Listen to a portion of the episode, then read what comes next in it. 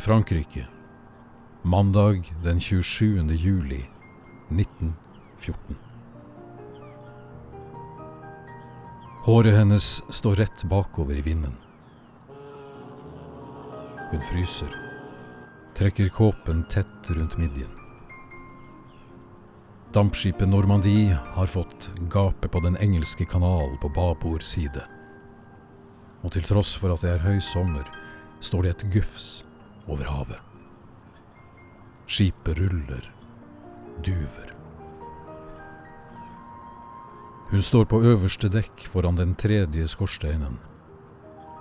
Hver gang vindkastene stilner av, slår røyken ned langs kanten av de røde skorsteinene. Hun kjenner lukten av surt kull, og hun føler seg allerede så langt borte.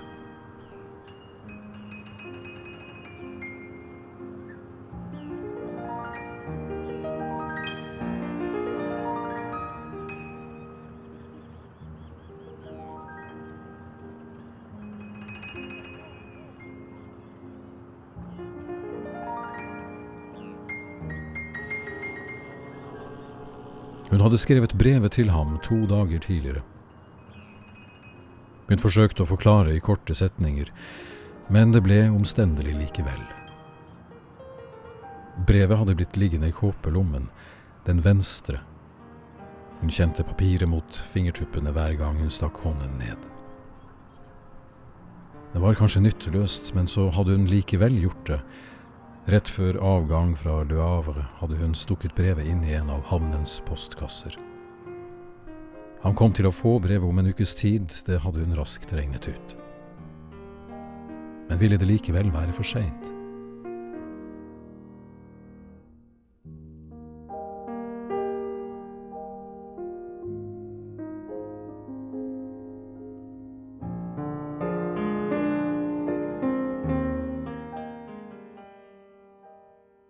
Denne mannen med de firkantede hendene.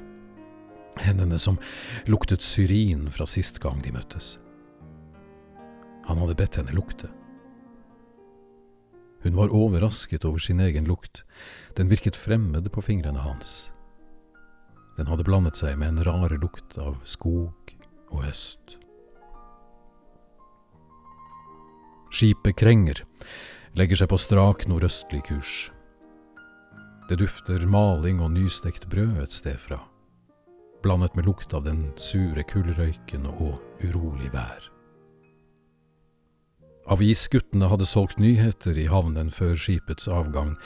Salgsropene forsøkte å overdøve dampfløyter og hvinende heisekraner fra mobiliseringstrafikken. Tyskland med ultimatum, England og Frankrike avventende, ropte en avisgutt mot skutesiden. Hva vil Russland? Les svaret i vår avis, og gitt en annen. Da skipet la fra kai, fortsatte avisguttene å rope, inntil alt hun kunne høre, var lyden av sjødrev og den dype klangen fra dampkjelene under dekk.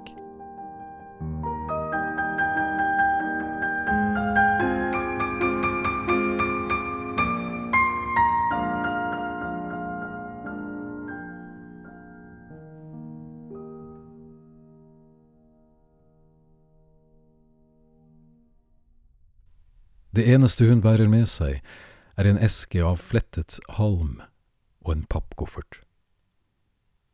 I kofferten ligger et falskt pass, utstedt på et konsulat i Paris, et par forfalskede anbefalinger, noen klær og en adresse. I den høyre kåpelommen to cyanidampuller. Hun føler på dem inni lommen.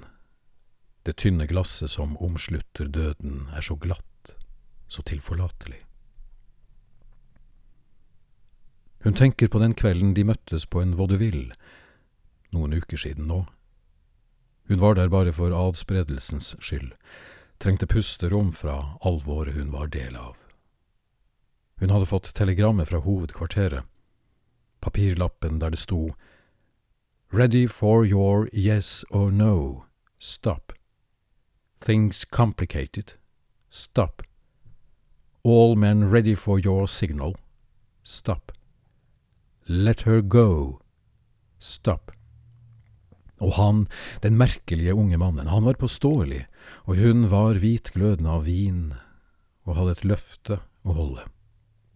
Et løfte som hun ikke kunne bryte, hemmeligheter som ville sette en halv verden i brann om de kom ut for tidlig. Jeg setter meg her, de er alene, og jeg, jeg kan vel sette meg her, hadde han spurt. Bien sûr, svarte hun, riksfransk som ingen kunne ta henne på, og de kikket på hverandre uten blygsel. Det gikk ikke lang tid før samtalen mellom dem fløt uanstrengt. Hun kjente blikket hans svi seg inn i hennes. Det åpnet mørke rom i henne. Deretter ba han henne rømme sammen med ham. Monsieur, si meg én ting, hva får dem til å tro at jeg vil rømme med en slask som dem? Han hadde grepet den høyre hånden hennes og ført den mot hennes egen munn og svart, fordi de aldri har villet noe annet enn å rømme, og dessuten kan jeg se at de bærer hemmeligheter, svarte han. Hun visste hva hun skulle gjøre om hun ble beskyldt for noe, om noen fikk mistanker, hun hadde trent på dette, trent om og om igjen i øvede kryssforhør. Det viktigste var å ha kontroll over eget blikk, ikke endre tonefall. Og det falt henne helt naturlig å omgå sannheten ved tilforlatelig å lene seg framover og si, ikke fordi det var usant, men fordi det tvert om var den dødeligste sannhet, og hun håpet at han egentlig hadde avslørt henne da hun sa Jeg tror snarere at det er de som burde rømme med meg.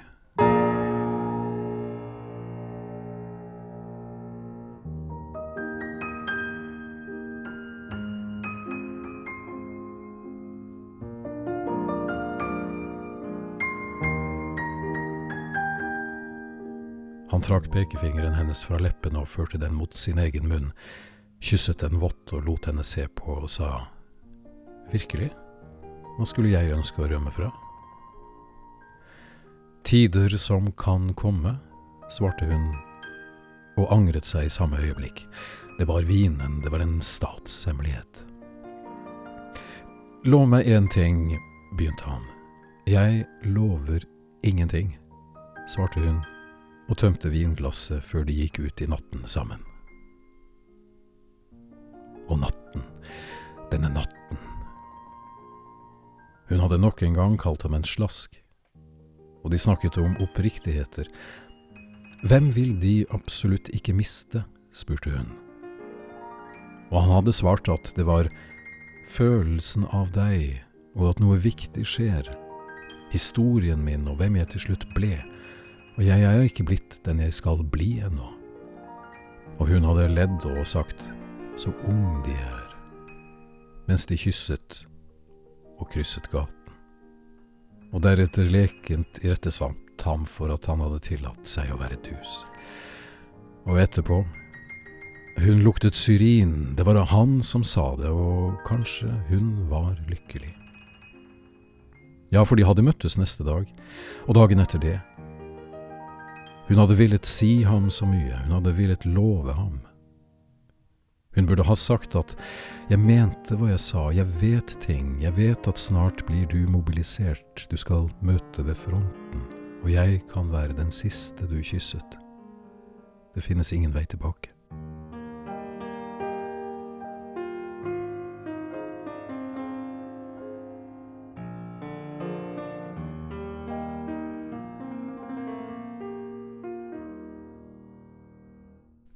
Så ble det for meget for henne å holde på av hemmeligheter.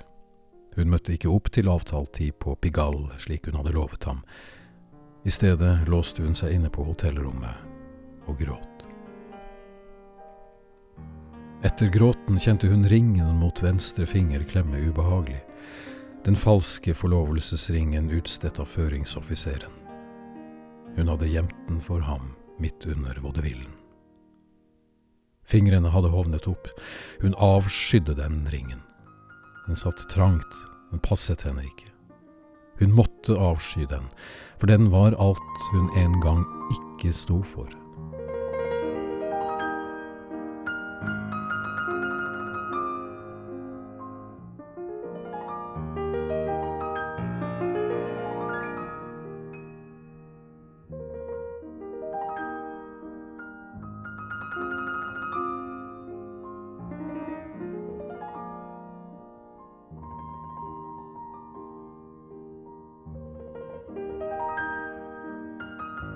Hun vet hva mer hun burde ha sagt ham.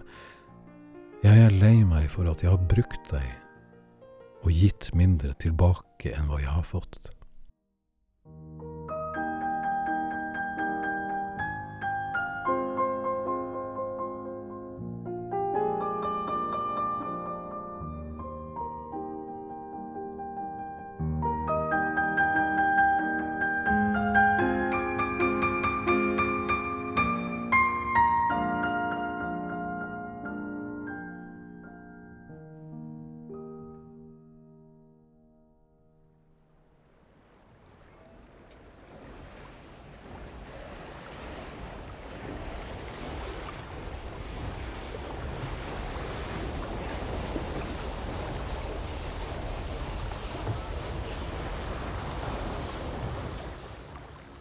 It's a storm coming up, miss.